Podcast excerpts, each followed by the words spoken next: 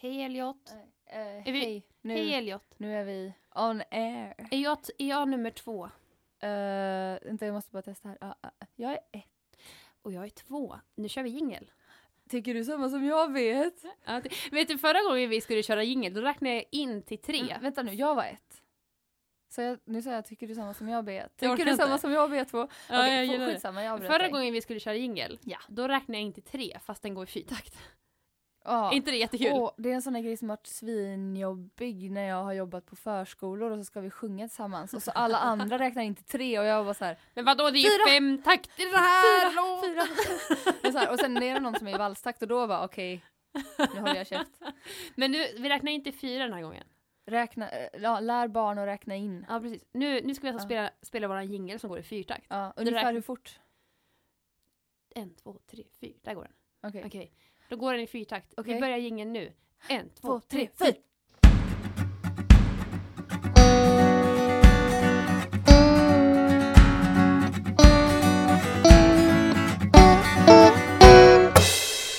Utkanten.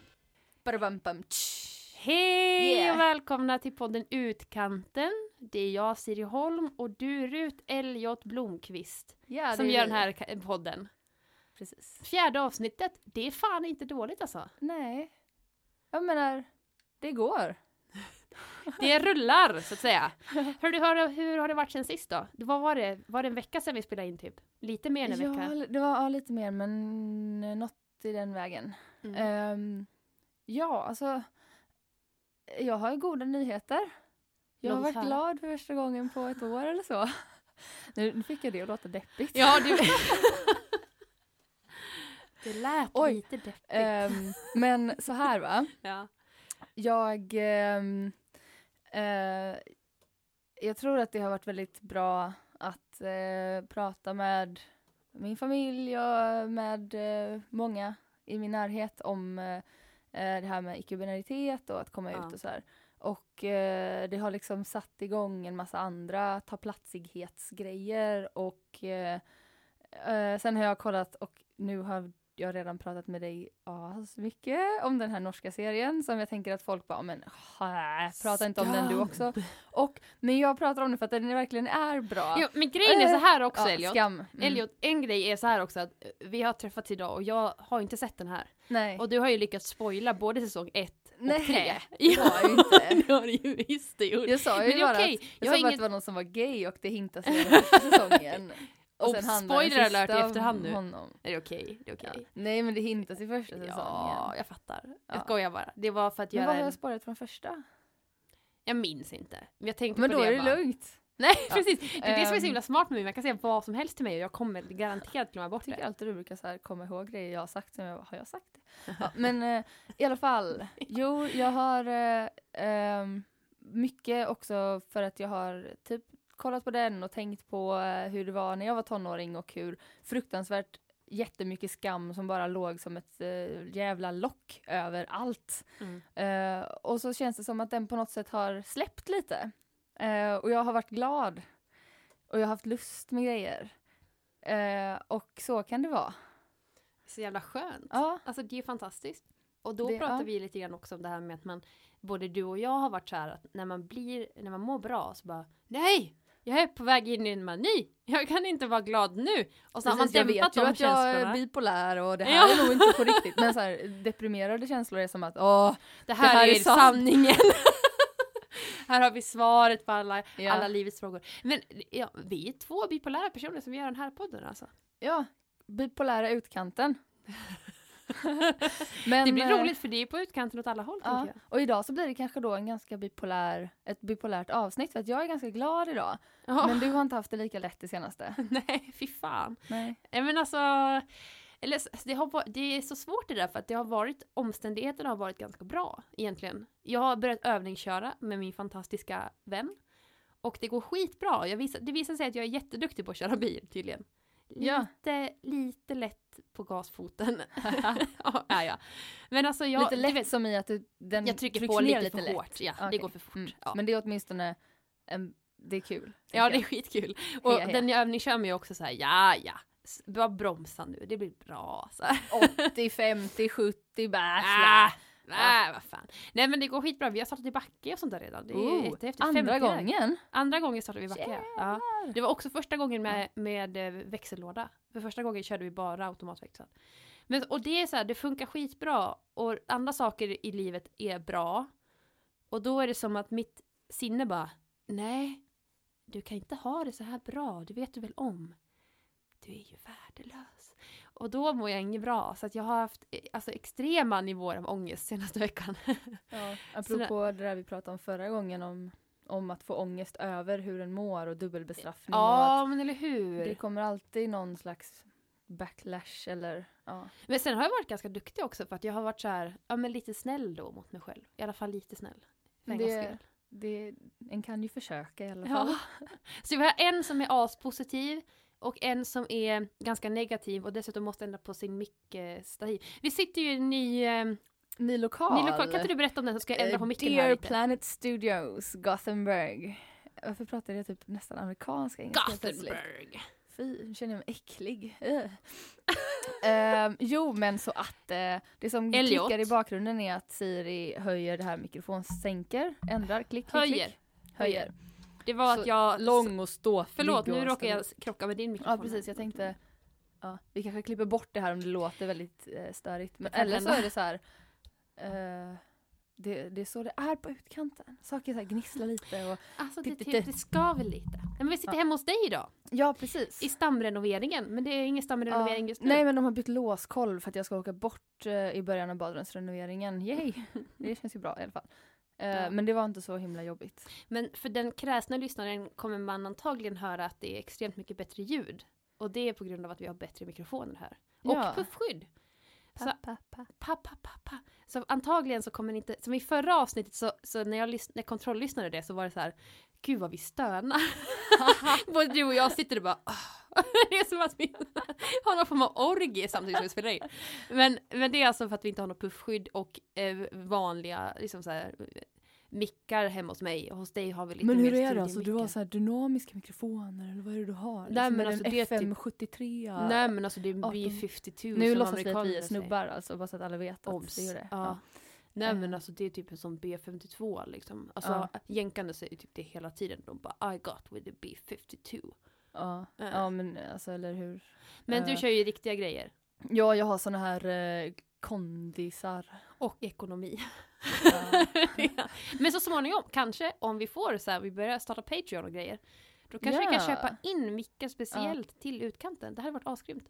Utkanten poddmickar. Vi kanske kan producera egna mickar. Eh, det känns lite Usch, långt jag kände inte att det var Nej. i min sinnesstämning idag. Så Nej, fy och. Typ att jag kanske inte riktigt har lust att lära mig att bygga mikrofoner faktiskt. Eh, nej. Nej. Äh, det var jobbigt. Vi kan Ja. sätta ett klistermärke på mickarna vi köper. Ja. Kan inte det vara, det är liksom nivån vi lägger oss på. Ja. Att vi så här, har ett klistermärke i utkanten. Eller bara liksom ta, vi köper lite nice färg och så målar vi dem regnbågsfärgade. Eller så bara har vi dem. Eller så har Det vi är dem. också en Och så lagom kan vi nivå. säga i podden att de är regnbågsfärgade. ja. och så kan vi så här, ta ett foto på oss och lägga till något roligt filter. så allt blir regnbågsfärgat. Wow. Vilka fina mickar vi har. Ja. Men vad tänkte du prata om idag Elliot? Eh, är det där vi är nu alltså? Är vi inte det? Nej, just det. Jo. Vi skulle först prata om utmaningarna. Ja, har du stämt någonting? Jag har stämt. Jag har, Stämmer det eh, eller? Jag har Stämmer det att du har stämt? Ja, alltså, eh, jag har stämt eh, min gitarr och min ukulele några gånger utan stämapparat och jag har ju dock inte sen kontrollerat dem alls. Men mina öron tyckte det blev bra. Ja, jag spelar på gitarr nu. Det lät skitbra. Ehm, jag stämde, jo, jag stämde efter pianot en gång, så, men pianot kanske är lite lågt för det var inte stämt, det har inte stämt på länge. Ditt piano Men- är lågt. Ja, För det har vi men- pratat om många gånger. ja. Jag tror det, var, det har vi nog sagt i alla podd. ja, det är det enda som men återkommer Sen, det spelar ändras ju också efter klimat, alltså nu är det ganska det är milt och fuktigt så det är inte helt säkert att det är lika lågt nu. Det är sant faktiskt. Men eh, eh, jo, pianot eh, stämde jag gitarren efter och det blev bra. Och jag kände att eh, ja, men det här är väl inget att ha ångest över. Men, och det var ju precis dit vi skulle komma väl? Var det inte det? Ja, men det skulle nog fortfarande kunna vara så att jag känner en ångest över det inför andra om jag typ ska Ja. stämma någon annan lyssnar. Men Men det är Det ju också ett jobbig steg, situation liksom. tänker jag. Det Ja. är ju inte jättekul. Nu försöker Siri istället från sig en, en öl här. Ja. Eller en... ehm, Jag lyckades en, välja, jag en, lyckades. en, vatt, en, eh, en alkohol... Det, det var faktiskt en folköl. Ja. jag håller på och försöker ljuga. det var inget hårt i det det var här. jag som Nu lät det en väldigt mycket värre vad du sa det. Då kommer alla tro Tack att vi är för fulla den. också. Nu har vi dissat båda två. Kan vi inte klicka bort det bara? Jag får lite nervskador i ryggen. Kan man göra det medan vi in? Ja. Men alltså vi pratar alltid högre. Jag vet. Men nu tror jag att jag började prata högre för att jag tyckte att din såg högre ut än min. Ja men min ser högre ut och då börjar jag prata högre för jag måste vara den som hörs mest alltid. Ja. Det är ju väldigt mycket, det ligger väldigt mycket i min natur. ja, det gör det. Ja. Men, jag har Men- spelat mycket Ja. efter metronom. Alltså Grymt. ganska mycket. Och grejen är så här att nu har jag också kommit till den punkten där jag känner så här. Nej, men det här var ju inget svårt. Så igår satt jag hemma och spelade in. Förlåt, nu rapade jag också. Det blir så när man dricker vatten. eh, men igår satt jag hemma och spelade in eh, snubbjingel. Alltså jingel till snubbaduren som kommer Ja. släppas snart i din mobil. Yeah. Eh, Nu gjorde jag ett konstigt smack. Ja. Förlåt. lät gott. Eh, och då spelade jag faktiskt efter metronom. Alltså då lyckades jag så här lägga in metronom, spela efter metronom. Jag är nöjd. Och det var liksom Ja. inte så här en jättetröskel typ. Det var mest att förstå programmet, att den inte riktigt tyckte det var kul med metronom och jag bara, men gör det! Så här. Och det kändes... Ja, men det Mm. kan jag ju säga till alla där ute att eh, saker och ting börjar lossna.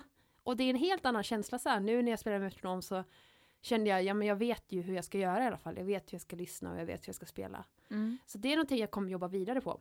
Men jag, i mitt fall tycker jag att utmaningen har lyckats väldigt bra. Det låter ju Ändå. Väldigt eh, positivt och upplyftande. Så nu ska, jag, nu ska jag sluta säga att jag inte kan spela mot metronom, för Ja. nu kan jag typ det. Nu jag kan ska, du säga, jag kan spela efter metronom men Ja. jag kan behöva, liksom, det tar ett tag innan jag landar i tempot. ja men precis, ja men så är det ju verkligen. Mm. Och det tänker jag, så det borde väl en, en kunna säga när en går in i en studio. Ja. Liksom, eh, ja, jag, jag, eh, jag är ganska bra på det här. Ja, men man Liksom. kör ju typ alltid efter en provomgång också. Alltså det är Ja. väldigt, jag tänker det är väldigt sällan man går in och bara ja, sätter vi oss, kör vi! Mm. Men sen också, alltså, när jag, jag, en låt som jag spelade in på eh, min skiva som nu kommer ut typ jättesnart. Eh, I mars tror jag. Eh, början av mars eller slutet av mars beroende på när jag lyckas boka. Så spännande! lokal. Ja, ehm, när jag spelade in till den, när jag la Rhodes på en låt så var det eh, liksom jag, jag har repat till den och med metronom men jag har nog egentligen utan metronom spelat den snabbare än vad jag fick för mig att jag gjorde när jag programmerade eller Ja. satte BPM på metronomen. Ja. Men då så efter eh, några tagningar som inte riktigt funkade så sa producenten att eh, eh, men ska vi ta upp den ett par BPM så tror jag att du är tajtare. Och så gjorde Ja. hon det. eh, och så blev det bra. Men för det där tycker jag är, det, det är lite det jag har lärt mig med metronom också, att jag har inga problem att spela mot, metronom om den går i det tempot jag vill ha den. Sen så Ja. vet jag att jag kommer in i vissa bitar ibland på vissa låtar, men då är det nästan, nästan mer, oj, förlåt mikrofonen. Då är det nästan mer gitarrtekniskt liksom, att, Ja. att eh, fixa vissa saker. Men, men eh, när det inte känns som att det går att spela mot metronom, så nu har jag till och med spänt, spänt eh, eh, bågen här lite grann och så har jag gjort så här att jag har spelat vissa låtar typ mm, långsammare Ja. än vad de går egentligen. Mm. Och snabbare. Så Mm. att jag ska liksom komma inriktad Det är verkligen. grymt. Ja jag vet, jag känner Men- mig lite duktig faktiskt. Jag tänker på en, eh, en annan låt som jag spelade in med skivan. Då insåg jag när jag började re- repa till metronom att eh, som du sa där att vissa delar av låtar liksom kan bli lite det kan kännas som att där tappar den tempot eller har en annan känsla. Jag hade en låt som seriöst gick verserna gick i ja, typ säg 150 eller vad det kan ha varit och refrängerna gick i typ 180. Jag bara, "Eh, hur har jag lyckats med det här? Jag har känt att det här är samma tempo. Va? Men det var för att mitt, mitt pianoarr bara liksom flöt på för mig på det sättet. Ja, men och det kan man väl Ehm, inte säga är någonting som är fel. Liksom. alltså, det det, blev bara väl- det väldigt om du ska väldigt- spela i BPM 150. Det blev väldigt mycket bättre när jag gjorde det, det i samma. Jaha. för att det blev, när jag lyssnade på det utifrån så kändes det stressigt när refrängen kom. Ja, jo. När jag bara hörde mig själv spela det, hade spelat in den utan metronom. Ja. Medan när jag då hörde när jag hade spelat efter metronom så ja men nu kändes det som att den var rotad. Den här vi låten. förklara? Jag vet inte, alla vet nog inte vad metronom är. Det är alltså en sak som håller takten. Ja, precis. tock, Tick, tock, tock, tock, tick, Mm. tock. Det är en sån grej. De vi är kan- astråkiga. Nej men nej, Nej. skit i det nu. Jag orkar inte. Jag pallar inte höra det där ljudet Har han i mer. bakgrunden här när vi... Nej. Jag vill prata? prata i takt. Elliot. Ja, men då är det ju så att jag... Nej, Då Förlåt. är det så att vad är det, heter, heter det prata i staccato? Staccato. Staccato. Ba. Jag kan inte ens komma ihåg att säga ord på samma gång som jag ska prata så. Ska vi gå in på ämnet nu? Ja, vi har lite ämnen. Båda två handlar om workshops. Ja, Ditt handlar om en workshop som du ska ha.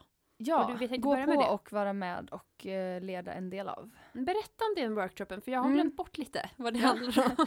Eh, och lyssnarna har ju inte hört någonting alls. Så, Våra Ehm, alla lyssnare har inte våra hört 24 någon. lyssnare, Ja, fan, varav 24, typ 20 bara- är våra kompisar.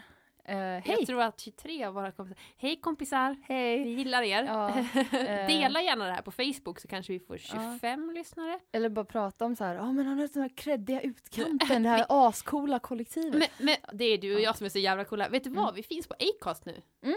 Snart finns Det vi också på. Podcaster. Precis. Men eh, det är jag som inte riktigt förstår Apple. Oj, produktplacering, förlåt. Blä, blä, blä. Eh, Blä. Ja. Tänk att det är en frukt som någon har tagit en tugga av. ja. I alla det fall, workshop. Ja, workshop. Ehm, Bra räddning tack. jag, ehm, jag är ju doktorand. Det här pratade vi om i första avsnittet, fast pratade inte om för att jag bara inte hade lust att förklara vad jag håller på med då. Du var inte så jävla nöjd nej. Nej, jag trivdes inte alls då. Jag trivs bättre nu. Eh, Siri gillar inte det hon dricker just nu. jag tyckte den var ganska nice. Jag tror att jag vänjer mig. Jag det gillade var bara den. så jävla oväntad smak. Alltså, jag tror att den hette något jättesexistiskt. Jag lyckades inte riktigt läsa på den här konstiga etiketten. Jag tror den hette något så här på franska, typ Bell någonting. Eh, ja. Eh, så du får dissa den om du vill. Men det var i alla fall en hipsteröl som jag köpte bara för att eh, typ jag inte orkade kolla på saker ordentligt och den var ekologisk och bara äh, det blir bra. Jag har ingen lust att gå på systemet. Men i alla fall, workshop. Då så är det så att jag är doktorand. Eh, jag är mer pepp på det nu än vad jag var när vi började podden. Ja. Det är Och- mest jag som har hållit uppe din pepphet känner jag. För jag tycker det Ja. är ascoolt att du är doktorand. Och du Ja. bara, ja nej men jag vet inte vad jag ska säga. Ja men när, när jag då och då liksom tvivlar på det här så är det som att, men vad ska jag annars tjäna pengar på? Nej, precis. Det här är så bra som det blir. Uh, förtroendetid, det är så bra som det blir. Det. Nästa låt jag ska skriva. Förtroendetid, Mm. så bra som det blir. Jag måste ändå göra en massa skit, men det är ändå så bra som det blir. Ja, ehm, eh, på Göteborgs universitet, Förlåt. Eh, språk och litteratur det är min institution. Jag har eh, engelsk litteratur som ämne fast jag håller på med tvärvetenskaplig forskning och det är liksom, jag är inte intresserad. Jag gillar inte normen av hur det här ska göras. Liksom. Den, den plingar inte för mig. Eh, men det finns ganska mycket utrymme att göra andra grejer inom det och det jag har lust att göra märker jag nu mer och mer är ganska mycket eh, en ny rörelse liksom, inom humanistisk forskning i alla fall. Eh, kanske även samhällsvetenskaplig och till och med naturvetenskaplig, men definitivt i humaniora. Och då kallas det för miljöhumaniora eller environmental humanities. Eh, och det är en massa spexiga, spännande saker som handlar om att typ eh, kombinera aktivism och konst och forskning. Eh, och det är ju det jag vill göra. Ja. Jag vill inte skriva om en författare som levde på det här och det här eh, eh, 1810-talet och var kreddig. Utan jag vill ju typ vara politiskt engagerad. Det är det som är poängen. Liksom. Ja, alltså du får gärna fortsätta men du har tappat mig lite redan. Det är som att någon säger universitet och jag bara zoomar ut direkt och tänker den här världen vill jag inte delta i. Ja, men det är, just, Förlåt. det är just det som är liksom... Jag kan lyssna på det här i efterhand och så Ja. kan jag tänka aha det var det hen sa, det var skitbra sagt. Men det, det är ju en värld som eh, präglas av en massa normer som är, eh, alltså, det är nästan bara godtyckligt. Och så har det blivit forskning. ja. Och så kallas det för något och så har det status och så är det en hierarki och så gillar folk att tävla om positionerna. Men du ska på en workshop nu i alla fall. Precis, och den handlar om miljöhumaniora och om att blanda konst och aktivism och forskning. Handlar workshopen om det? Ja, Oh. den handlar om att skriva eh, with undisciplined discipline.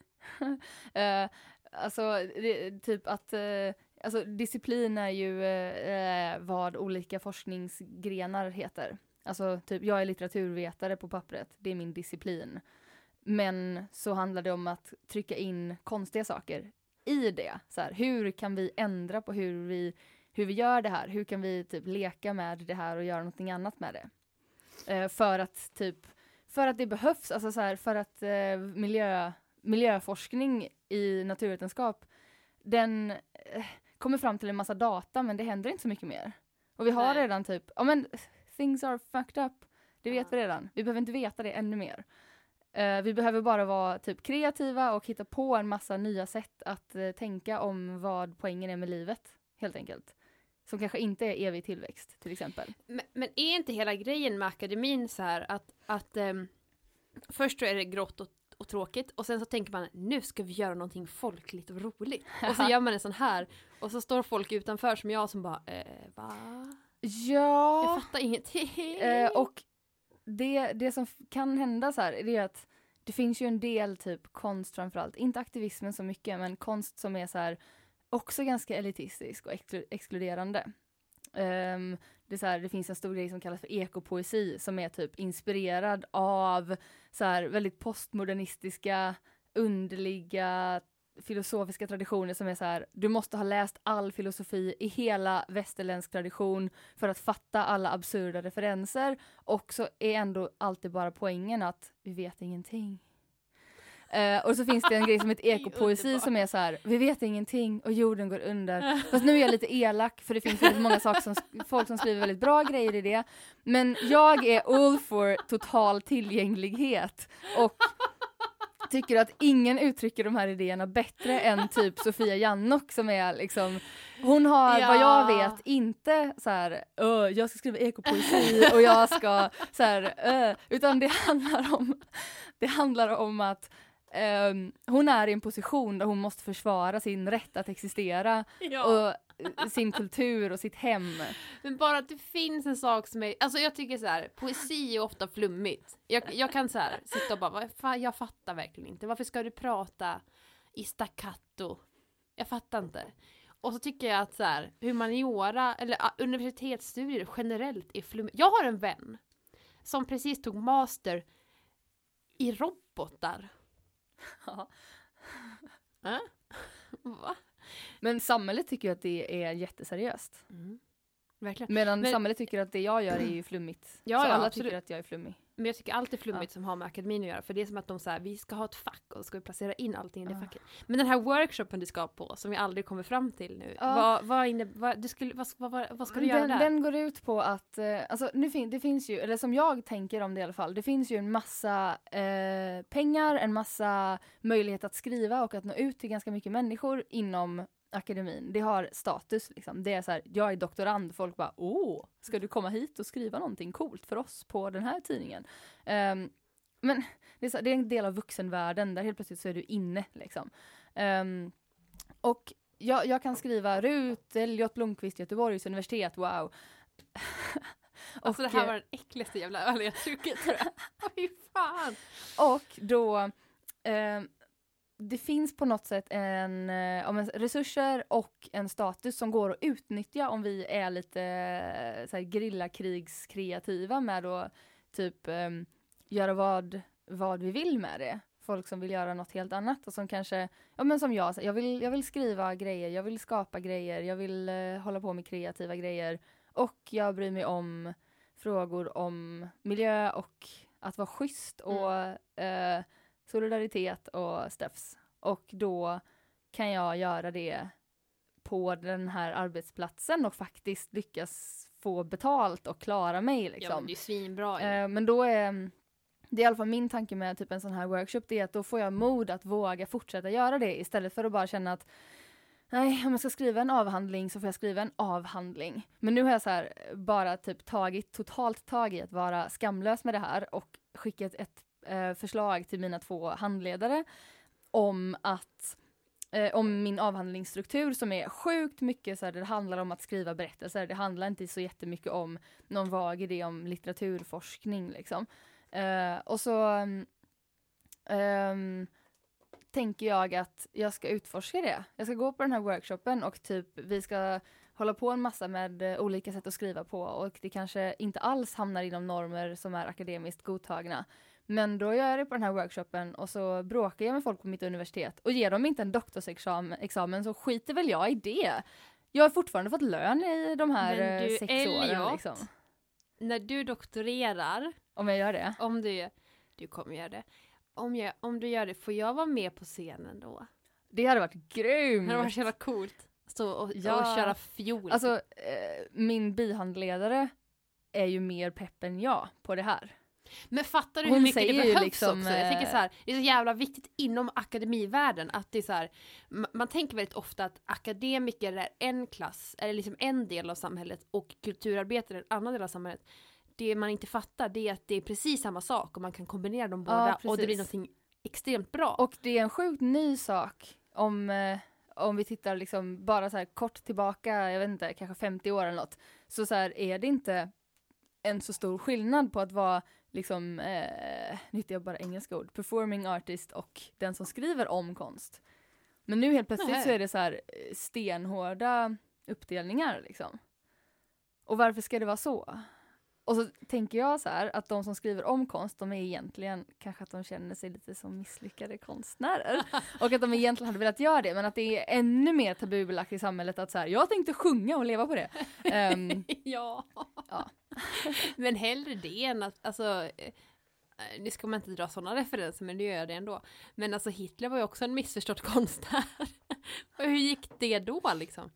Polen. Ja. Ja. Jag tänker bara, Färre missförstådda konstnärer, mer typ var dig själv och skriv och säg och prata Ja. som du vill och och blanda ihop, det behöver inte, jag, Ja. jag kommer ihåg, min, min far doktorerade när jag var kanske sex, sju denna- år. denna figur, Jag vet denna- inte hur mycket jag ska prata denna om ande som svävar. Sitter på min axel och viskar härliga saker i örat. Men i alla fall, och jag kommer ihåg det här så väl för att inte för att, det, alltså hela, hela doktoreringen var ju, heter det doktorering? Ja, Eh, doktors... hela, grejen. Nej. hela den grejen Den. var ju på engelska så jag fattade inte ett skit för Ja. jag var sex. Men då satt det en liten farbror framför mig som, som eh, Svante, min pappa, hade umgåtts med mycket så här. Och så, det var så fint för då började han vika små papperslådor och pappersflygplan. för att han förstod att vi, vi var ju fyra barn i familjen och kanske min äldsta syster förstod någonting av det de, som sades. Men jag menar, vi var inte så gamla liksom. Nej. Och jag menar, alltså doktoreringen var, doktora, doktoreringen, Alltså Ja, menar du 26. själva liksom när han... själva när det händer. Disputation? Disputationen heter Ja. det, det är det det heter! Ja. Fan! Disputationen var ju dels på engelska och sen så handlar den om, om potentilla, alltså en, en femfingerört, en växt. Okej. så det var så här, ingenting roligt där. Det är jättekul säkert om man är in på det, men Det för mig var det jag- skittråkigt. Men då Ja. fick vi hela tiden små så här papperslådor som var vikta av det här materialet. Alltså det här är så jävla symboliskt. Ja. Jag tänker så här, det är någon som typ snör in sig på så här, den minsta beståndsdelen av den minsta beståndsdelen och så, så här, pratar på, på ett sätt som ingen förstår. Och, så här, och sen så är det egentligen så tror jag att vi förstår typ nästan lika mycket om vi bara typ så sitter och petar på saker och bygger och Ja. är med själva och så att gå ut, alltså att, att vara närvarande i eh, typ eh, på en plats där de här växterna växer och förstå hur det går att leva där och eh, alltså vi har så absurda idéer om vad som är värdefull kunskap. Ja men hela våra enkelt. semestrar tillbringades ju med att vi åkte runt till, till Svantes olika odlingar och kollade på dem. Ja. Det var ju semestern. Ja. Men i alla fall, det var så fint när vi satt där på, på disputationen för att jag förstod inte skit. Och det skulle hålla på ett par timmar. Ja. Men då får jag liksom så här, hela tiden får jag så här matat små pappersflygplan till mig och små lådor vikta av, av disputationsmaterialet av den här personen som sitter framför som fattar att det här kommer de här barnen inte tycka är kul. och det är liksom det jag minns av disputationen, att det var så här. Det var någon som satt och pratade i bakgrunden men vilka roliga lådor jag hade att leka med. det var liksom, åh, finns Men- väldigt mycket mer att få ut av den historien känner jag. Många symboliska nivåer och så här, Ja. akademin versus samhället i stort. Och, gud. eh, och hur, alltså allvarligt talat, hur, hur kan vi tro att den här, så här mer och mer reduktiva forskningen ska typ rädda världen på något sätt? Eller Ja. så här, rädda miljön. Vem, vill miljön ens bli räddad av oss? Vi är ganska Men det är samma sak som du pratar om, losers liksom. men det är samma sak som du pratar om Socialstyrelsen idag. Ah.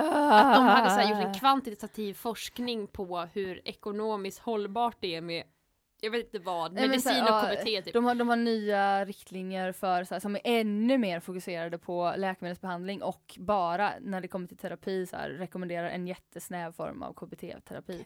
För att ner det, folk. det är det de har kunnat belägga med sina kvantitativa metoder och det finns ingen analys av vad de här metoderna lyckas förklara och vad de inte lyckas förklara. Poängen är att de inte lyckas förklara så mycket. Det är en väldigt liten andel av folk som faktiskt liksom deras sjukdom eller deras problem eller deras känslomässiga tillstånd förklaras av de här Ja. jättepatetiska reduktiva studierna. Men det är som på papper och det är så typiskt forskningen tänker jag att de så här. Nu ska vi göra det här och det är jätte, jätteviktigt för Ja. den här pitte, pitte, lilla delen av forskningen. Precis. Och det är Ja. så det är att forska, tänker jag. Men det du gör med den här workshopen till exempel, det är att du blandar in någonting väldigt viktigt i i forskningen. Precis. Att du, Och att du lyfter det från att vara så här exkluderande som faktiskt akademivärlden är. Akademikervärlden. Vet jag, kan inte säga ordet. Nej, och det säger ganska Akademikervärlden mycket är- om akademin. Ja, faktiskt. Ingen Nej, kan alltså, uttala det. det är ju väldigt ex- exkluderande. Jag har också varit några år inom universitetet och pluggat. Och jag hatade det för att det var så här bara snubbar som gick runt och typ kunde saker. Ja. Och bara mansplainade med det hela tiden. Men det jag tänker att du, det du gör med din falang och din del och din, din liksom doktorering. Doktora, doktorering. Min ja. doktorsavhandling. Doktorsavhandling heter det faktiskt. Ja. Ja, jag kan inte ens böja det här ordet. Men, min ja, text, min kul grej, mitt projekt. Projekt, projekt, skitbra. Ja. Men det du gör är att du väver samman konstnärliga uttryck, för det du vill säga när du väl disputerar är ju någonting som du vill gå åka fram med. Ja, Du vill Och- att det ska nå fram till publiken, du vill inte Ja. att det roligaste som hände under din disputation var att man fick ett pappersflygplan på engelska. Alltså det är ju, eller hur? ja. Och det är det som är så jävla häftigt, så jag önskar att jag får vara med om Ja. det blir tillfälle för det. Tyvärr det... så måste den vara på engelska för att jag Ja, doktorerar inom engelska. Men du förstår engelska nu. Men jag tänker att tyvärr kommer vi inte runt det att barn som pratar svenska kommer ju tyvärr ändå få roa sig med pappersflygplan på min Men vi kanske ska disputation. sätta ut så här små papperslådor och flygplan Ja, men med saker i. Eller-. Typ någon slags visuell liten eh, version av min Ja, avhandling. Men sen om man har musik med eller- så, så, fatta, så, Ja. så går ju det väldigt mycket mer in i människors Ja. hjärna än en sån här mä, mä, mä, mä, Ja, alltså jag- till jag- och mä, mä, Jag blir uttråkad av mig själv om jag ska prata på det sättet också. Så att jag kan liksom inte... Du kommer sitta där och somna på din egen Eh, disputation. nej, ja. Eller så bara ta ut svängarna och är skitjobbig och alla bara "Eh, eh, vad håller du på med? Men ehm, jag hade någon väldigt bra kommentar på det du sa. Eh, som var typ att, jo, men jag, har- jag har tänkt mycket på, alltså själva mitt projekt handlar ju om vad är, vad är begränsningarna med vår idé om forskning och kunskap? Varför, alltså så här, folk säger hela tiden att vi vet ju att det är allvarligt med miljöförändringar. Fast de pratar bara om klimatförändringarna för att det är vad lobbyn har prioriterat för att det är typ eh, bäst om det bara handlar om koldioxid och inte om större frågor. Men i alla fall, vi vet ju att vi behöver agera, men vi gör det inte. Varför gör vi det inte? Och det är så här, ja, fast vi vet inte hur vi behöver agera, vi fattar ingenting, vi fattar egentligen Nej. inte helheten, vi fattar inte vad det är för konstigt samhälle vi lever i, vi fattar inte vad poängen är, vi fattar ingenting. Min grundpoäng är, vi fattar ingenting. Kan vi Nej. inte bara börja därifrån och typ bara leka lite och hitta på någonting annat? För någonting Ja. måste vara bättre än att tro på den här absurda idén om kapitalistisk lycka. Ja, Någonting absolut. annat kan vi väl ändå hitta på? Ja, och det är därför jag försöker övertala dig om att du ska stanna kvar i den här jävla pissiga miljön. jag är inget bra miljövårdsskydd om man säger så. Nej men alltså för att du, du går ju in i akademin och förändrar.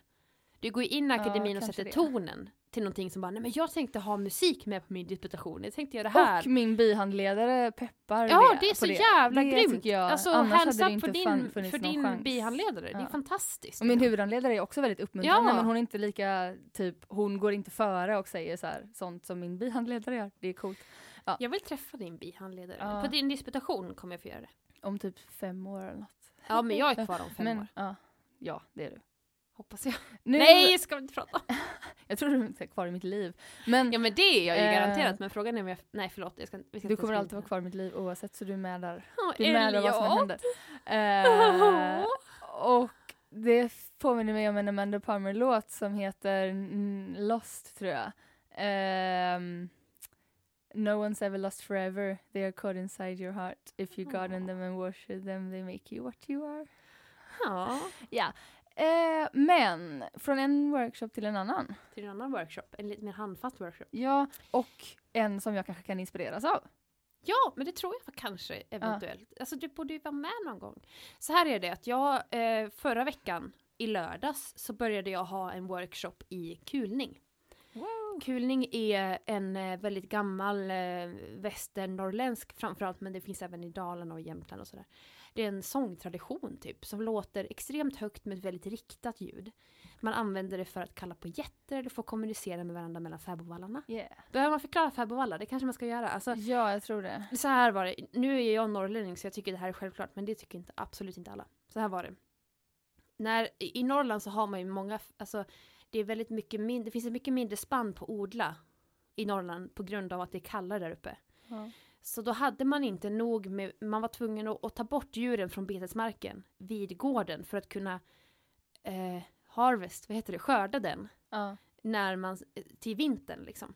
Så det man gjorde var att man tog de ogifta kvinnorna och små barnen, eller inte små, men alltså typ 12-åriga pojkar och flickor i byn.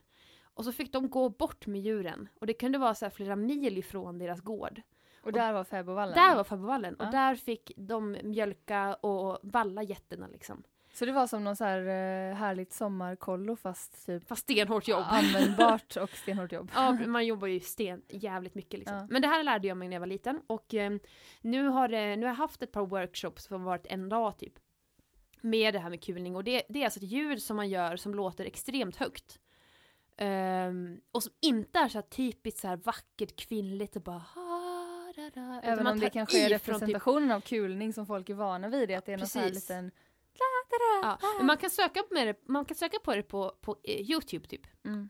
Så får man höra lite grann. Men det är väldigt mycket det här med att det ska vara så vackert och så här lite som en, vad heter det, sån här mö eller som Ja, Och en liten, liten älva som precis, en flyger runt dansande vita liten älva som så här har en flöjtröst. som Ja, och det kan det ab- absolut låta till så här. Men det kan också vara så här bröl. Ja. och det spännande med de här ljuden är att de kommer typ lika långt. Om man har en bra röst och bra väderförhållanden och sånt så kan man komma upp till en mil med kulning. Wow. Jag vet, det är ascoolt. Någon, Ja. gång, någon gång, Elliot, så ska vi mäta hur långt min kulning hörs. För jag tror nämligen att jag hörs ganska långt. Ja. Jag vet inte, men jag tror här, det. Eh, hitta typ olika ställen att stå på Ja. och se om vi hör varandra. Jag tror det. Coolt. Men i alla fall, nu har jag workshop i det här i Göteborg, i Slottsskogen. Anledningen till det är att vi ska vara mitt i stan, inte störa så mycket folk och samtidigt, Inte så mycket folk. nej men inte så många, Ja, men några mm, stycken stör man ju alltid. ja. Liksom. Eh, Men vara på ett ställe som är tillgängligt för alla, vilket Slottsskogen är, Mm. eh, och vara på ett ställe där vi inte syns men hörs. Ja. För hela poängen med kulning är att du måste ta i mer än vad du någonsin har tagit i. Du har Ja. magstöd från helvetet, alltså jag kan ha träningsverk i magen liksom efter jag har kulat länge.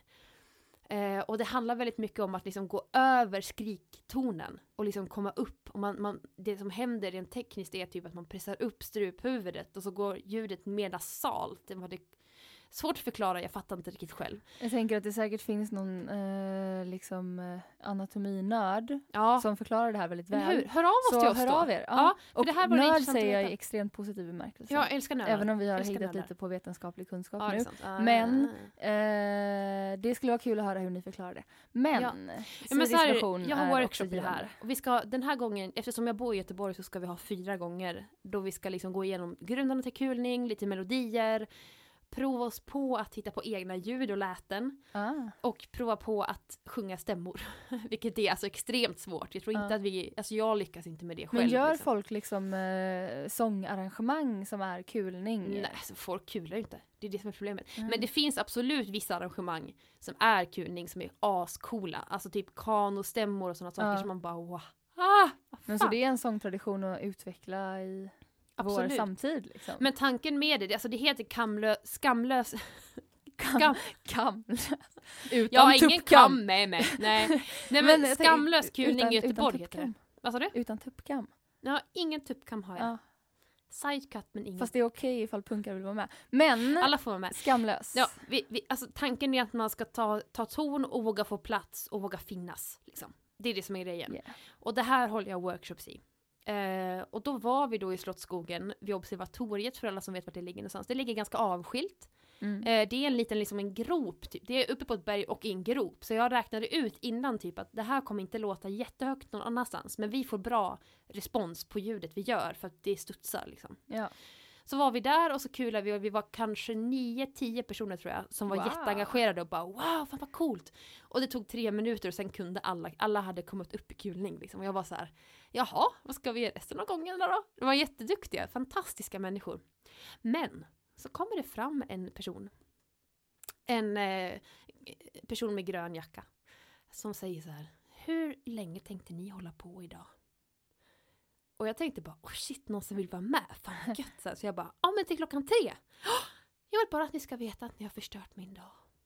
Det här är det värsta jag har hört. Hur kan ni stå här och skrika på allmän plats? Människor kommer till Slottsskogen för att få en naturupplevelse. Och jag bara, ursäkta men om vi är tysta nu så hör vi liksom alla vägar som går förbi Göteborg. Det är inte, man får ingen naturupplevelse här. Och en naturupplevelse får definitivt inte inkludera skamlösa kvinnor. Nej, absolut. Nej, men det är ju det som är grejen. Och så här, hon höll på jättelänge och jag försökte så här, men, men ska jag försöka förklara?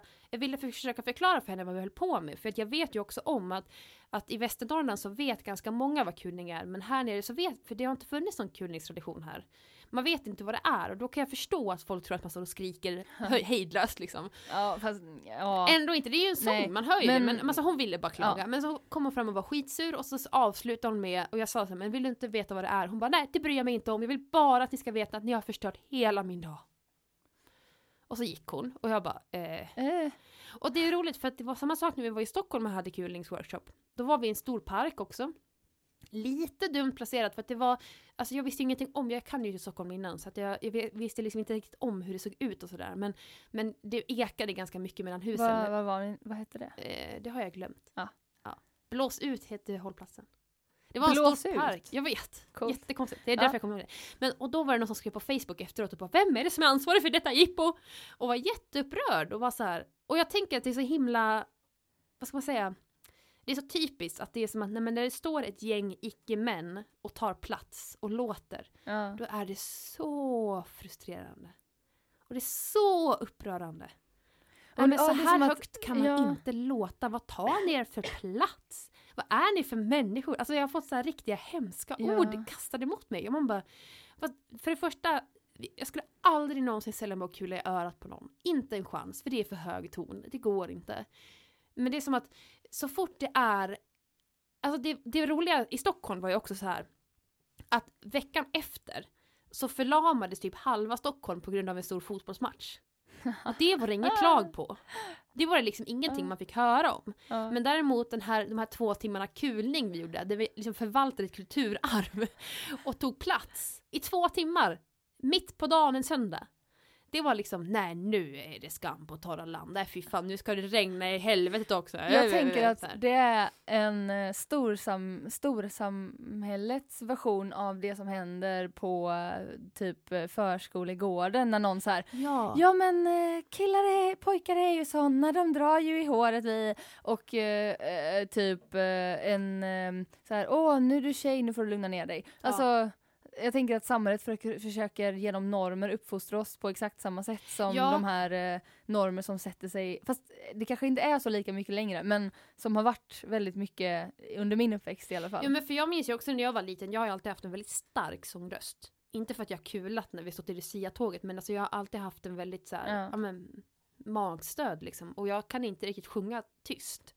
För då kommer inte min sång fram. Och då vet jag att jag, jag blev liksom skam, skuld och skambelagd för det är bara du som hörs. Man bara, fast det är ju bara jag som sjunger. det är liksom bara, nej men, och det är så himla konstigt att det är så här. Eh, jag menar att de sitter, att, att, det, att det lockar till sig folk som vill klaga. Och här hade den här personen ett utrymme för att ställa dit någon. Ja. Och då tog hon det utrymmet. Men hade vi varit ett gäng män som stod och sjöng högt, då hade folk bara wow, vilka modiga personer. Ja. Nej! Eller möjligen om de var missnöjda så hade det varit en så här, åh, men Ah, nu är det de du igen. vet hur män är, Ja. eller boys will be boys. Ja. Eller liksom, Men att- De har säkert ett syfte med det men det är jobbigt men jag kan acceptera det. Eller? Men att åtta personer står runt en liten sjö i Slottsskogen, långt bort åt helvete i Slottsskogen, det är liksom inte nära någonting. Och låter högt, det är så sjukt provocerande i samhällets ögon. Och det är någonting som jag tycker själv är väldigt provocerande, att man är så här, det, och det sa jag också till gruppen efteråt så här, förstår ni varför vi gör det här? Det är precis det här som är anledningen till att jag vill lära folk att kula. För att folk ska våga ta plats, folk ska våga höras.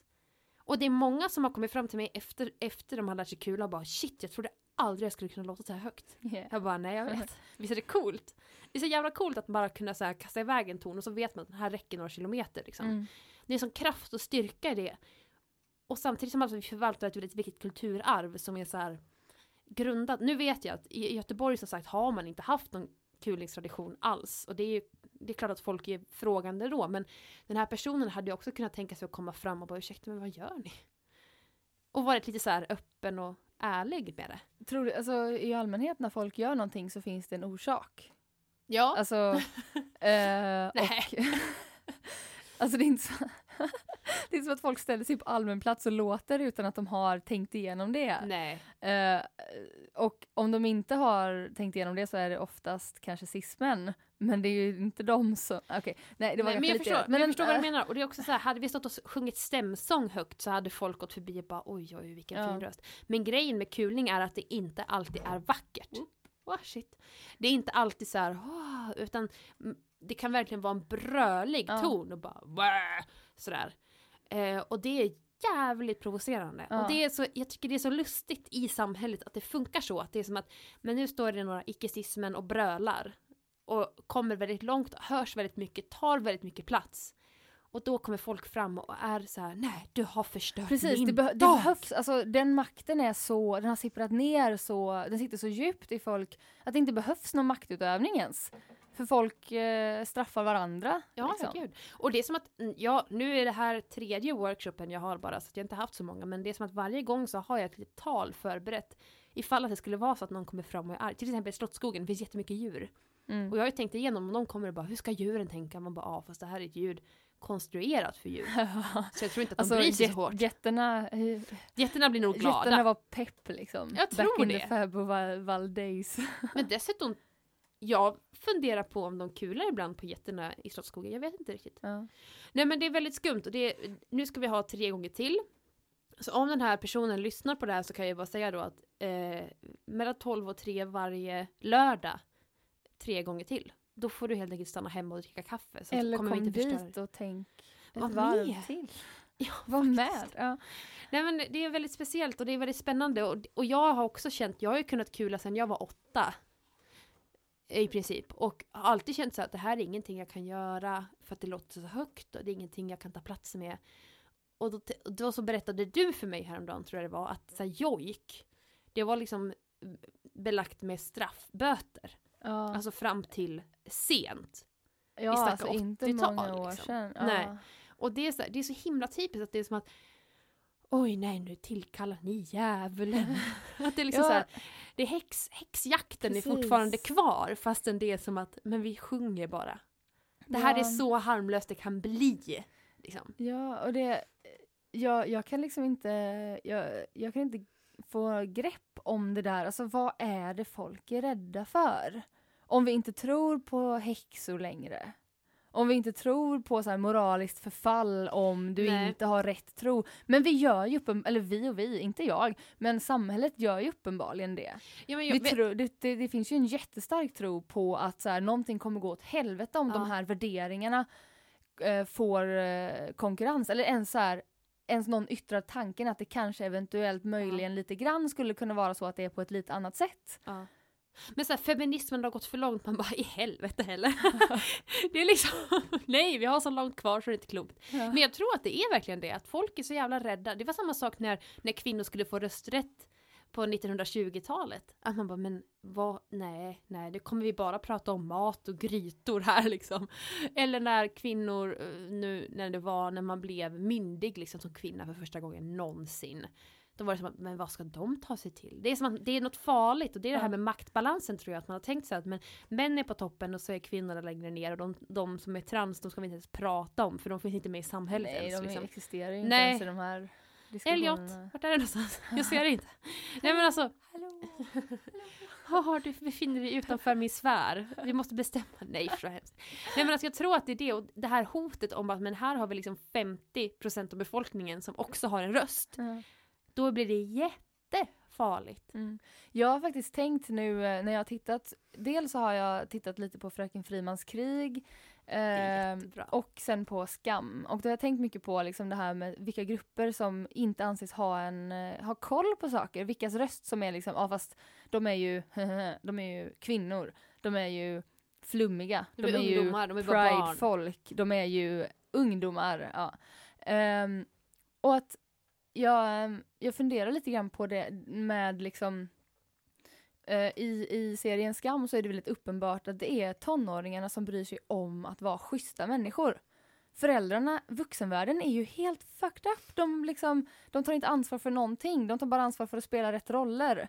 Eh, och super säkert lika mycket som de här tonåringarna. Så då finns det ju egentligen Ja. ingen moral high ground någonstans att ha. Nej. Och alla tonåringarna super inte ens. Vissa av dem är med på festen och super inte. Eh, vissa av dem ligger inte runt. Alltså folk gör olika och det verkar som att det är den här liksom, gruppen som kategoriseras som att oh, men de är ju unga och naiva, de vet inte än. Det är de som har koll. Ja, det är de som sitter på lite jävla medmänsklighet. Liksom. Ja, ja, men det är eh. jätteintressant. Men det är ju verkligen sådär och ja, nu glömde bort vad jag skulle säga, men det stämmer ju verkligen. och jag, jag tänker att det är lite det som så här, det, det finns ett sånt driv att tysta de rösterna, att omyndigförklara de personerna. Och kanske är det så att liksom eh, barn och ungdomar är den grupp som visar helt självklart bara säger ja men det är klart att de inte har en, har en röst. Det är klart, Ja. att, det är klart att de inte kan vara mynd- alltså allvarligt talat om vi skulle bedöma, bedöma på meriter så borde ju vita cismen inte ha rösträtt. Nej, gud! Ta bort den för dem. för Eller folk med helvete. en inkomst över en viss nivå borde Ja, inte ha nej. rösträtt. För de kan inte tänka på någon annan. Nej. Eh, Nej men verkligen. ja. Men det är som ett av mina syskonbarn, eller min partners syskonbarn, är så här, om man berömmer den så här, åh vilken fin gubbe du byggt. Då säger den, tack! eller, tack så mycket! det är så här, fan vad gött det är att vara tre och bara kunna ta åt sig beröm. Ja. Ja, tack! Och det är någonting jag tänker så mycket på också, att man så här, men vi måste ju unna varandra och också att, att men vi får stå kula i Slottsskogen. Vi får ta den platsen. Varför ska vi gömma oss för? Ja. Och vi får, eh, vi får jojka på allmän plats. Apropå veckans tips. Ja, ska vi in på det redan? Jag skulle kunna prata det här jättelänge. Men veckans tips, ja. Jag, tror, alltså, jag tror att vi har eh, pratat i nästan en timme nu ändå. Jag skulle kunna sitta och prata hur länge som helst. Men, Men, jag tänker på rotsaken i ugnen också. just fan, vi har mat på gång. Ja. Det ska vi tänka på. Men eh, veckans tips är Mari Boine. Ja. Som är eh, alltså lite så här föregångaren av alla samiska. Det är, ja, Musiker, jag tror Sofia Jannok sa i någon, eh, eh, någon av de här serierna som hon är med i på SVT, hon har varit med i mycket nu, eh, i en intervju i alla fall, att eh, utan Mari Boine så hade liksom, det är svårt att föreställa sig nutida samisk kultur utan Mari Boine. Ja. Så o- otroligt viktig för unga samer. Och sjunger, jag lyssnar väldigt mycket på ett album från 2006 nu som heter Voi Voi tror jag. som är så känslostarkt. Liksom. Jag vet att vi, det, det var ju en upp, uppenbarelse för mig när jag kom på att men det här lyssnade jag ju på som liten. Ja. För att det var ett mycket tidigare album. Och bara tyckte det var så jävla häftig låt. Så här. Eh, men nu lyssnar jag på lite senare album och, hon är så jävla grym. Hon är så duktig och vågar uttrycka sina känslor på ett sätt som är helt magiska. Och det var ju du som berättade att när Sofia Jannok var i Göteborg och spelade så sa hon så här, ja det här tiotalet, 1980 eller vad det var, då var det straff, då fick man liksom böter för att Precis, jojka förr, på allmän förr var plats. det jag som fick, precis, eller förr fick folk böta för att jojka på ja, allmän plats. nu får jag betalt. för att jojka på allmän plats. Men det är ascoolt. Så att det är ju liksom, ja, Mari Och det Boine, är ju in och lyssna. Det är ju för att bland annat Mari Boine har Ja. gjort det jobbet, eller Ja. typ eh, Nils Aslak Valkeapää som är en eh, annan känd eh, jojkare i, i samisk kultur, ganska stor aktivist. Mm. Ehm, och så här, det är ju för att de har gjort saker. Ja. Det är inte för att samhället har gett dem Nej gud nej. det här. Nej. Det har varit en kamp i var, varje litet steg. Mm. Ja men så in och lyssna på Mario Boine, det är fantastiskt. Eh, har du någonting som händer framöver nu? Du ska åka iväg en sväng så vi kommer inte ge ut podd på ett par veckor va? Precis. Eh, på onsdag så åker jag då till uh, Lillsved utanför Stockholm. Stockholm, Fjarlträsk. Ja, Fast jag ska till en liten ort ut- utanför Stockholm. Ja Så det är fjoll, fjoll, fjoll, fjollträsk. Fjoll, fjollträsk.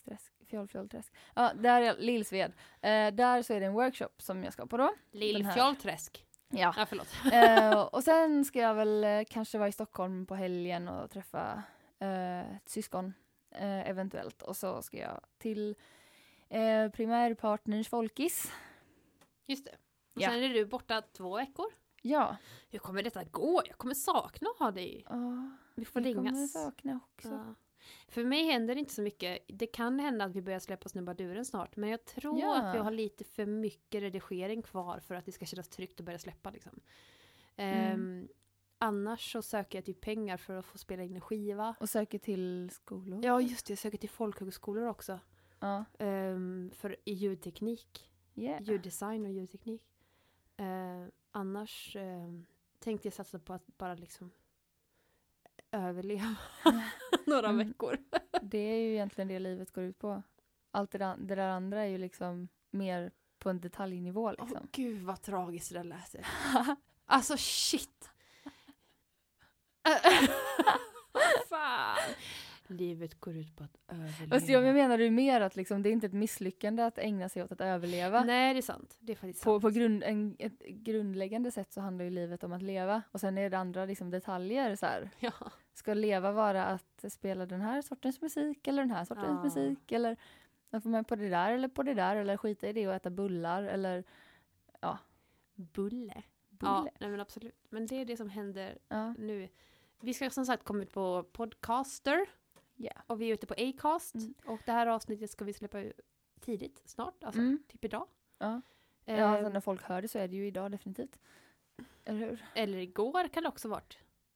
Ja, om just man det. Ja. hör en Just dag det, ja. efter. Men eh, oavsett så blir det ju svårt för dem att fatta vilken dag vi referer- refererar till Ja, när, som ja. är inspelningsdagen. Liksom. Jo, Men det är i alla fall en fredag idag. Idag, vi spelar in. fredag. Det är nice att podda på fredag Jag tycker vi är duktiga på det här. Jag tycker vi har hållit igång bra. Ja. Fan, vad, det, vad har det gått? Det är liksom var det P3 innan jul vi snackade. Vi pratade podda första gången. Och nu är det så här 19, Och vi kan också, 20. eh, breaking news, vi har planer på att kanske göra något på Pride Göteborg. Ja, Eller hur? Ja. Jävligt Utkanten spännande. på Pride.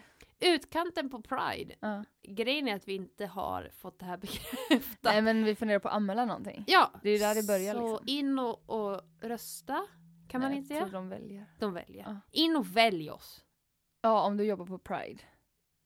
Och annars också. Men kan de välja annars? Nej, Nej.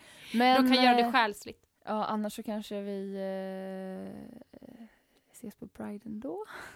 Det kommer vi göra. Ja. Gilla oss på Facebook. Gilla lyssna på våran podd. Och ha det bra. Ja. Och lyssna framför allt på våran så sjukt bra jingel. Jingel!